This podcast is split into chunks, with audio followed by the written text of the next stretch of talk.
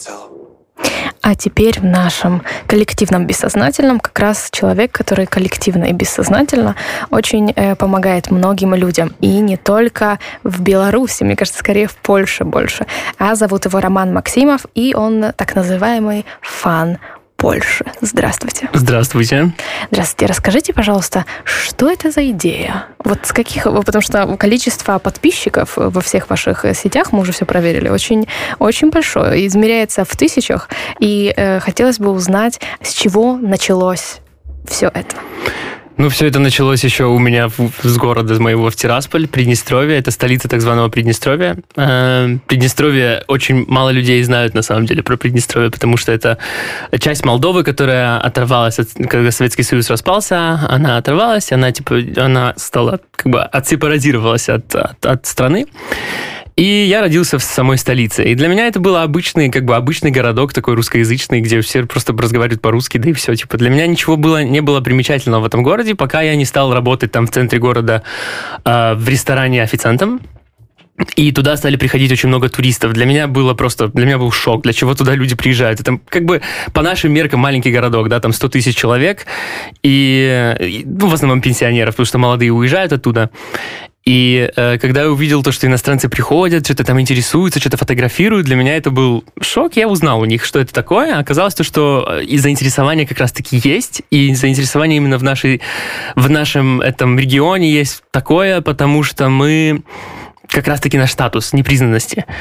И, э, ну и постепенно, так как я в тот момент учил английский язык, я решил, э, почему бы нет, почему бы не начать тоже э, показывать туристам, почему бы их не, не, не делать свои, свои туры э, в своем городе. Mm-hmm. Вообще во всей стране этой. И э, успешно это все получилось. Я это делал на протяжении трех-четырех лет где-то. Э, приезжали люди просто от, отовсюду, там Германия, зап, западная, естественно, западная Европа в основном. И ко мне приехал однажды поляк, который очень сильно заинтересовался тоже этим регионом. Для меня Польша была, ну, как бы страной, которой, ну, типа, там не было такого что-то... Для меня это была страна, которая как, как очень близко нам. Мне так казалось, что они как можно больше нас понимают. А оказалось, что поляки, когда я делал тур, они э, были, они задавали те же самые вопросы, что задают немцы. То есть это был точно такой же шок, это было точно такое же удивление, которое э, испытывают немцы. Это было разочарован? Нет, для меня был шок. Для меня думал, был... что они такие, типа, вот мы понимаем, да, так, не говори, я знаю. Молчи. Я расскажу тебе. Окей. Okay. А они, оказывается, что действительно, действительно ничего не понимали. А почему? С чем это связано? Как, ты, как, как тебе казалось? Как теперь кажется, кажется теперь? Ну, в основном это приезжали молодые поляки, для, молодые поляки, которые не видели еще тех времен, так скажем, да, потому что если старшие, я уже позже понял, что старшие как бы больше осознают, что было и что есть, а, а молодые, они уже настолько оторвались, то есть, мне кажется, когда Советский Союз распался, да, то есть, типа, поляки, они просто, они прекратили смотреть вот на восток, они и повернулись, повернулись назад. в другую сторону и больше не игнорировали просто, игнорировали. Это был такой игнор. И когда, э, как бы, в принципе, мой канал построен на том, что я рассказываю полякам, что у нас происходит. Как бы это ни, ни звучало абсурдно, но так оно есть. Я просто показываю, что происходит у нас. У нас, я имею в виду СНГ, то есть страны бывшего Советского Союза, в основном русскоязычные, потому что это моя, как бы, зона языковая, где я могу увидеть, узнать, новости почитать и тому подобное. У меня к тебе вопросы от слушателей. Внимание, внимание. Я барабанная дробь. Уже жду. Да, барабанная дробь — это первый вопрос от слушателей, который мы получили, и он касается тебя. Итак, э, этот вопрос от поляков. Э, да-да-да, пи, пи, пи водичку, не, не нервничай. Да, э, и вопрос связан, связанный с тем, что вот меня очень интересует, как тебе жизнь в Польше в первых месяцах?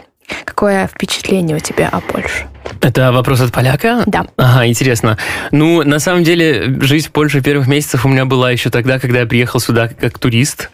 Это было, это было перш... это было, у меня уже путается. Это была первая неделя всего лишь в Польше. Я приехал сюда, но у меня был шок. Почему? Потому что я поехал по земле. Я поехал, то есть, то есть я не, не Сама... полетел, а поехал машиной. Машиной. Нет, сначала... может пешком? Не так, нет, я поехал сначала Верхом. с, с Тирасполя до Одессы и с Одессы э, сел с Украины сел поездом э, до Львова, и с Львова маршруткой доехал до границы, перешел эту границу пешком. Ну, шок был. Как бы, ну ладно, когда я только пересек границу, я не знал, чего ждать. Точнее, я ждал, я ждал худшего намного. Намного больше, как бы то, что мне бабушка там рассказывала. Моя бабушка говорила, что больше это такая Мы укра... продавали чуть-чуть... им эти носки. Да, носки. там это, не, больше это чуть-чуть лучше, чем Украина, и вообще они там не разговаривают по-русски громко, потому что они нас не любят и тому подобное. Я такой, окей, понятно. Ну, у бабушки у нее там первый канал российское телевидение, у нее просто целыми там 24 Пропаганда. на 7, да, просто Киселев у нее там. А я, и как бы я, я даже не удивляюсь, я даже с ней не спорю, я перестал с ней спорить, потому что это невозможно спорить с такими людьми. А, и я даже иногда поддакиваю, да, да, да, да, хорошо. Поэтому, э, и когда я пересек границу, когда я уже дальше поехал, когда я посмотрел на уровень дорог, я посмотрел, ну, уровень жизни, даже я зашел там в первый магазин, даже первый какой-то ресторанчик, там бар млечный, да, там зашел, как, она, как громко и уверенно в себе мне там сказали «День добрый», там, там запрашиваем, и для меня было так вау, ну, особенно как-то, не знаю, после моих каких-то тех регионов, да, впечатлений так, там, где заходишь в магазин, там, тебе «Здрасте, здрасте», шепотом, да, то есть, типа, э, ну, контраст я сразу же почувствовал. А э, переехал я первый раз на неделю, Потом уехал, и где-то через год приехал еще раз на месяц. Как раз-таки ровно на месяц я жил. Но у меня немножко другая ситуация. У меня было так, что меня, меня пригласили. Я, я жил, я как бы, у меня была квартира на целый тот месяц, тот, тот месяц. Почему? Потому что тот друг мой, поляк, э, с которым я очень хорошо шляхта. подружился. Да, да. Надо сказать, что да. просто шляхта. Вот люди обычно, когда сюда приезжают, у них нет жилья. Они просто бегают, ищут и плачут и отдают последние деньги. Да, я знаю. Ну, так получилось то, что хорошее очень знакомство, и в этом плане очень-очень-очень помог мне, и я приехал у него жил, это вот здесь, за Варшавой, из Легионова, э, жил, и даже он мне немножко подкинул работы, потому что у него ну, домашний бизнес, и мне нужно, я мог ему помогать в этом, и как раз на этот месяц я не то чтобы отдыхал душой, я еще и работал, при этом всем как бы не ушел в минус, и, и, и просто и ходил, каждый день ездил в Варшаву, просто смотрел все, каждый угол, каждый закоулок. И для меня это было такое, как, как, как ребенок, там что-то узнает новое. Для меня поэтому первый месяц был очень классный. Хорошо, а теперь идем дальше, потому что он имел, имеет в виду вот такую именно жизнь жизни, в смысле, это когда ты уже освоился, потому что, наверное, э, вот первое впечатление такое, вау, оно вот пока ты еще не живешь здесь. А вот когда ты немножечко вот запустил корни, какое у тебя было впечатление? Тут спрашивают в контексте политическом.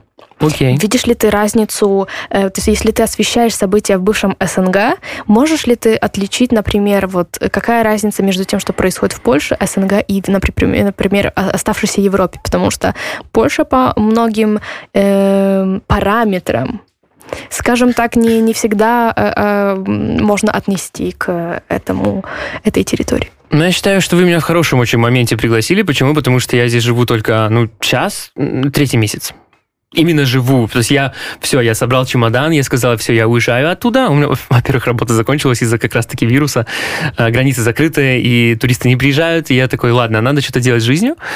Уехал сюда, и вот сейчас третий месяц, и я понимаю, насколько человек привыкает, насколько он быстро привыкает к всему хорошему, да, то есть я уже, окей, то есть у меня есть много магазинов, да, у меня там, например, в Приднестровье, если кто-то знает про Приднестровье, там одна сеть супермаркетов, да, там монополия просто такая идет. Там есть один олигарх, который держит все, ну это похожие ситуации, я думаю, у нас с Беларусью. Очень. Да. Поэтому, э, когда я сюда приехал, и как бы с самого начала так, вау, классно, все эти магазины, а сейчас как бы уже, уже я на таком моменте, когда я там выбираю что-то, что мне больше всего нравится, и как бы уже там не пользуюсь всеми, всеми благами, которые я раньше думал, что все, я буду просто делать все, что здесь, все, что мне дает как бы э, Польша и возможности. Ну, другое время, опять же, приехал. А политически меня, честно, меня, меня просто это не затрагивает. Я недавно снимал ролик по этому поводу по-польски. Влез немножко в политику по-польски и пожалел. И, э, кто, скажи, скажи, скажи, скажи, кто к тебе пришел. Я, я просто примерно понимаю, кто мог тебе написать и что именно. Э, расскажи, как это выглядело для тебя. Кого ты вот получил в комментариях? Проблема в том, что я затронул, по-моему, две стороны, и это было очень интересно интересно. Это было, да, это, это, две, это, это очень было опасно. Для тех, кто не понимает, что происходит, Саша, расскажу, что происходит. Вот мы буквально в, в прошлом эфире вчера разговаривали о том, что единственная тема, которая объединяет э, обе Польши, потому что Польша поделена достаточно резко на две части. Угу, так вот, заметил. Да, единственное, единственный вопрос, который их всех объединяет, это любовь к белорусам. Э, угу. обе, обе стороны по-разному, конечно, эта любовь э, абсолютно разная, но обе стороны согласны в том, что Беларуси надо помогать. Э, и это единственная вещь, в которой они соглашаются. Все остальное, начиная от э, личной жизни э, этих Э, людей, как бы и работы, и развития, и же здоровья, все отличается. То есть э, поэтому, э, если тебе удалось обидеть и одних, и других, я так понимаю, что ты поехал вот с таким типичным текстом бывшего ну, человека из бывшего СНГ, например, такой либеральный подход к чему-то.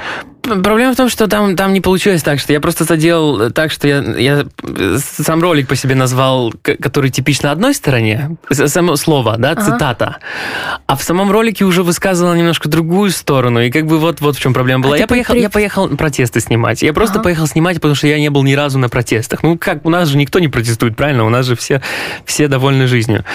А, я, мне, для меня было прямо очень интересно посмотреть, каково это, типа, что это такое протест. И когда я приехал у, уже на сам протест, снимал его, я сказал то, что уже на самом протесте я говорю, ах, как классно то, что люди протестуют, то, что здесь полиция как бы она, она есть, но она как бы не трогает. И я вот в этот момент, когда я сказал, что полиция не трогает, уже другую сторону обидел, как бы, которая не Которую очень полиция, довольна как раз, полицией, как, да. как, раз, как раз и обижала. Но как раз таки у меня было просто первое впечатление, из-за этого я так сделал, потому что в тот момент, как раз когда я пришел, было все спокойно и тихо и мирно, поэтому было очень интересно. Бессознательное. Напомню, что в, нашем, в нашей студии сейчас находится Роман Максимов, э, фан Польши, э, автор блога и, кроме того, э, блогер, я могу официально сказать, не обижаешься ли ты на слово блогер? Нет, я чаще всего слышу все-таки влогер со своей стороны, потому что это как бы, ну, видеолог, то есть, да, то есть человек, который снимает на Ютубе. Нет, нет, мне, мне я даже гордо могу об этом сказать. Мне все равно, если даже кто-то меня пытается там задеть тем, тем, тем, тем, чем я занимаюсь, но главное, что я с этого могу жить, и мне это нравится. Мой вопрос по к тебе. Как ты научился польскому языку? Сам. И это больше всего шокирует людей, которые меня там слышат, потому что я, когда ты мне звонила, я тоже не, не понял, что ты не полька. Вообще никак бы не... Вроде бы слух хороший у меня. У меня музыкальный слух есть, поэтому мне кажется, что я умею подражать там или воспроизводить какие-то другие звуки, поэтому у меня хор хорош в акцентах. Э, часто хвалят по этому поводу, и сам могу себя похвалить. Извиняюсь за нескромность, но э, когда я с тобой разговаривал вообще, я, я думал, что ты полька. Просто я тоже своего рода артист. Собрались ну, тут музыкальные слухи. Да, я человек, который не может произнести половину ваших букв. Скажи э, спшечка. Спше, там просто... Ну, неплохо. О, да, уже, уже, уже хорошо начало. Я скажу, что я, когда при, первый раз, ну, когда при, приехала в Польшу, я слово че, э, чаще сказала как э, чеш. Mm-hmm. И я ну, очень долго это говорила. говорила. Ну, то есть, то есть, как бы нету таких вот э, очень э, таких звуков, поэтому действительно было очень тяжело. И я тебе тоже скажу, что у нас э, в студии когда-то была программа, которая называлась «Наука языка», mm-hmm. где мы просто вот садили человека, давали ему слова из протестных, э, из протестных белорусских слов. Я такая, что это значит? И вот, э, вот бедные поляки должны были думать, что это может значить. Okay. Кстати, оказалось, что очень много общего у э, польского и белорусского языка, и даже удалось научить нескольким предложениям. Меня вот пытали словом «губопик». Губопик? Да, мне надо было его перевести на польский. Ага. Вот можешь перевести слово губопик? Нет. Вот и я не могла. Это аббревиатура. Это было слишком сложное задание. Тебя пытали словом губазик, потому а, что губопик это русский вариант. Если ты должна была губазик перевести в губопик. А потом, а потом даже, на польский, понимаешь? Я не понимаю, что это. А, губопик это в Беларуси отделение такое по борьбе с организованной преступностью, которое отметилось на протестах тем, что э, первая витрина, разбитая в Минске, была разбита командиром этого отделения. Он просто палкой выгонял оттуда, пытался арестовать протестующих протестующих, которые спрятались в кафе, угу. разбил эту витрину. То есть, ну, это такие гопники, как преступники, К- э, которые... Не только с преступностью, но и коррупцией. Это я помню Да, с, преступностью и коррупцией, да. Ну, такие вот э, гопники, преступники, которые по улицам Минска гоняют и арестовывают людей за бело-червоно-белые флаги. Вот ну, это такое подобие тетушек, ну, может быть, не знаю, в Украине. Но они официальные, они официальные. Да, они официальные. А, это, там, это да, официальная да, власть, да. это неофициальная. Ну, Все, понял. Тетушек тоже, на тетушек тоже охотились. Они это, выглядят пом... как тетушки. Они да, любят без формы ходить, потому что они такие прям Ну, а кто еще пойдет это делать? Да, да но это очень смешно, потому что они очень рассказывали, что эти белорусы там прям убивают, а потом угу. сами же разбили первую витрину. Ну, то есть надо было как бы соответствовать, поэтому решили сами приложиться. Ладно, э, второй вопрос от нашего слушателя. Можно отвечу все-таки на вопрос, потому что я, да. мы так заговорились насчет этого. Я, я просто хочу сказать, что сам учился и сам и в основном YouTube. А, то есть YouTube и музыка. Я обожаю просто послушать, включить какую-то музыку и начать ее учить, то есть слова, и, и просто вместе с человеком, который поет. И так советую всем людям, ну, всем, кому, кому нравится такой способ. Ты уверен, что э, Сарса это хороший человек, чтобы учиться от нее слов? Если бы я знал, кто это. Jutro znowu gonić biec, latać ponad. А. И для людей, которые не понимают польского языка, это вообще одно слово. Не, естественно, я говорю про азы. Азы, понятно, азы я научился сам тоже читать просто, выписывал, сидел, как, как читаются буквы, да, эти все, как читать сочетания Z и RZ. А уже когда, когда уже научился читать, то да, там постепенно переходил в музыку. А ты говорил с, с кем-то поляком и разговаривал? Было тяжело, очень тяжело. Mm-hmm. Даже внутренний барьер, плюс еще и сами поляки, которых я знал, раньше, и которых я встречал, я с ними разговаривал, разговаривал, разговаривал с ними по-английски, я им что-то писал по-польски, понятно, что криво-коряво, и они мне, чтобы мне было легче, отвечали, по-английски. вот, вот она помощь, вот да. она помощь. Хорошо. Второй вопрос от нашего слушателя. А кроме того вопроса первого по поводу вот политических отношений, скажи, пожалуйста, не боишься ли ты э, вот за себя и за свою семью, которая, э, как мы знаем, осталась э, в Надднестре, угу. Э, это же авторитарная страна.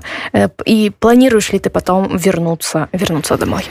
Ну, если вернуться домой, то я планирую где-то через год просто посмотреть. Я уже все, я как турист туда возвращаюсь. Я больше не, не приезжаю домой. Что типа, было последней не каплей? хочу. Капли последней было то, что мы э, организовали, мы организовали вечеринку далеко-далеко за городом. И самое интересное, что мы как бы тестировали. Мы, мы максимально, у нас, был, у нас было пиво с собой, то есть мы даже не напивались там. Ну и в три часа ночи залетел ОМОН, и, короче, нас просто всех э, лицом в пол. И ладно, там ОМОН лицом в пол, запихнули нас бобики. Мы ехали там все, ну не знаю, на 4 машины на, на 25 человек, даже больше, нет, там 30 человек было где-то. 4 машины специально так нас запихнули, так, чтобы ну, мы прочувствовали, что это такое. И э, самое страшное было это уже в самом э, участке, участке, это когда мы сидели там до... Сидели, стояли в одной и той же позе э, к стенке лицом до 7-8 утра где-то, пока каждый отпечатки пальцев не оставит, и пока... Ну, все эти процедуры, понятно, да? И когда там ходили вот, вот такие же люди, о которых вы раньше разговаривали, да, и унижали всячески. То есть, если неформально кто-то выглядел, то они подходили и начинали, ну, там, всякими словами. То есть, э, не хочу даже вспоминать, как это было. Ну, и все, это было последней каплей. Я уже тогда в 8 утра приехал домой и просто уже искал все способы. Я такой, так, учеба, виза, что-нибудь, что-нибудь, но я уезжаю.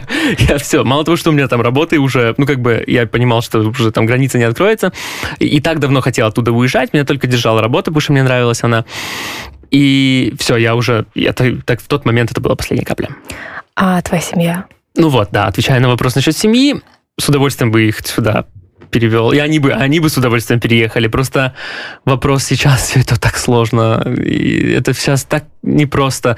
А у них все там стабильно. И поэтому они, ну ладно, ну как бы пока мы не высовываемся, все нормально. Вот как раз по поводу стабильность и перевела многих людей да. как раз в той ситуации в стране, которая она есть. И здесь мы как, как раз наш, наш разговор добежал конца, хотя бы потому, что мы вернулись к проблемам легализации, с которых мы начали, к проблемам стабильности, которая не кормит и заканчивается всегда плохо э, для людей, жителей тоталитарных и авторитарных режимов. Напомню, что это была программа «Коллективная бессознательная». Перед микрофоном Саша Романова и Елена Грушевская.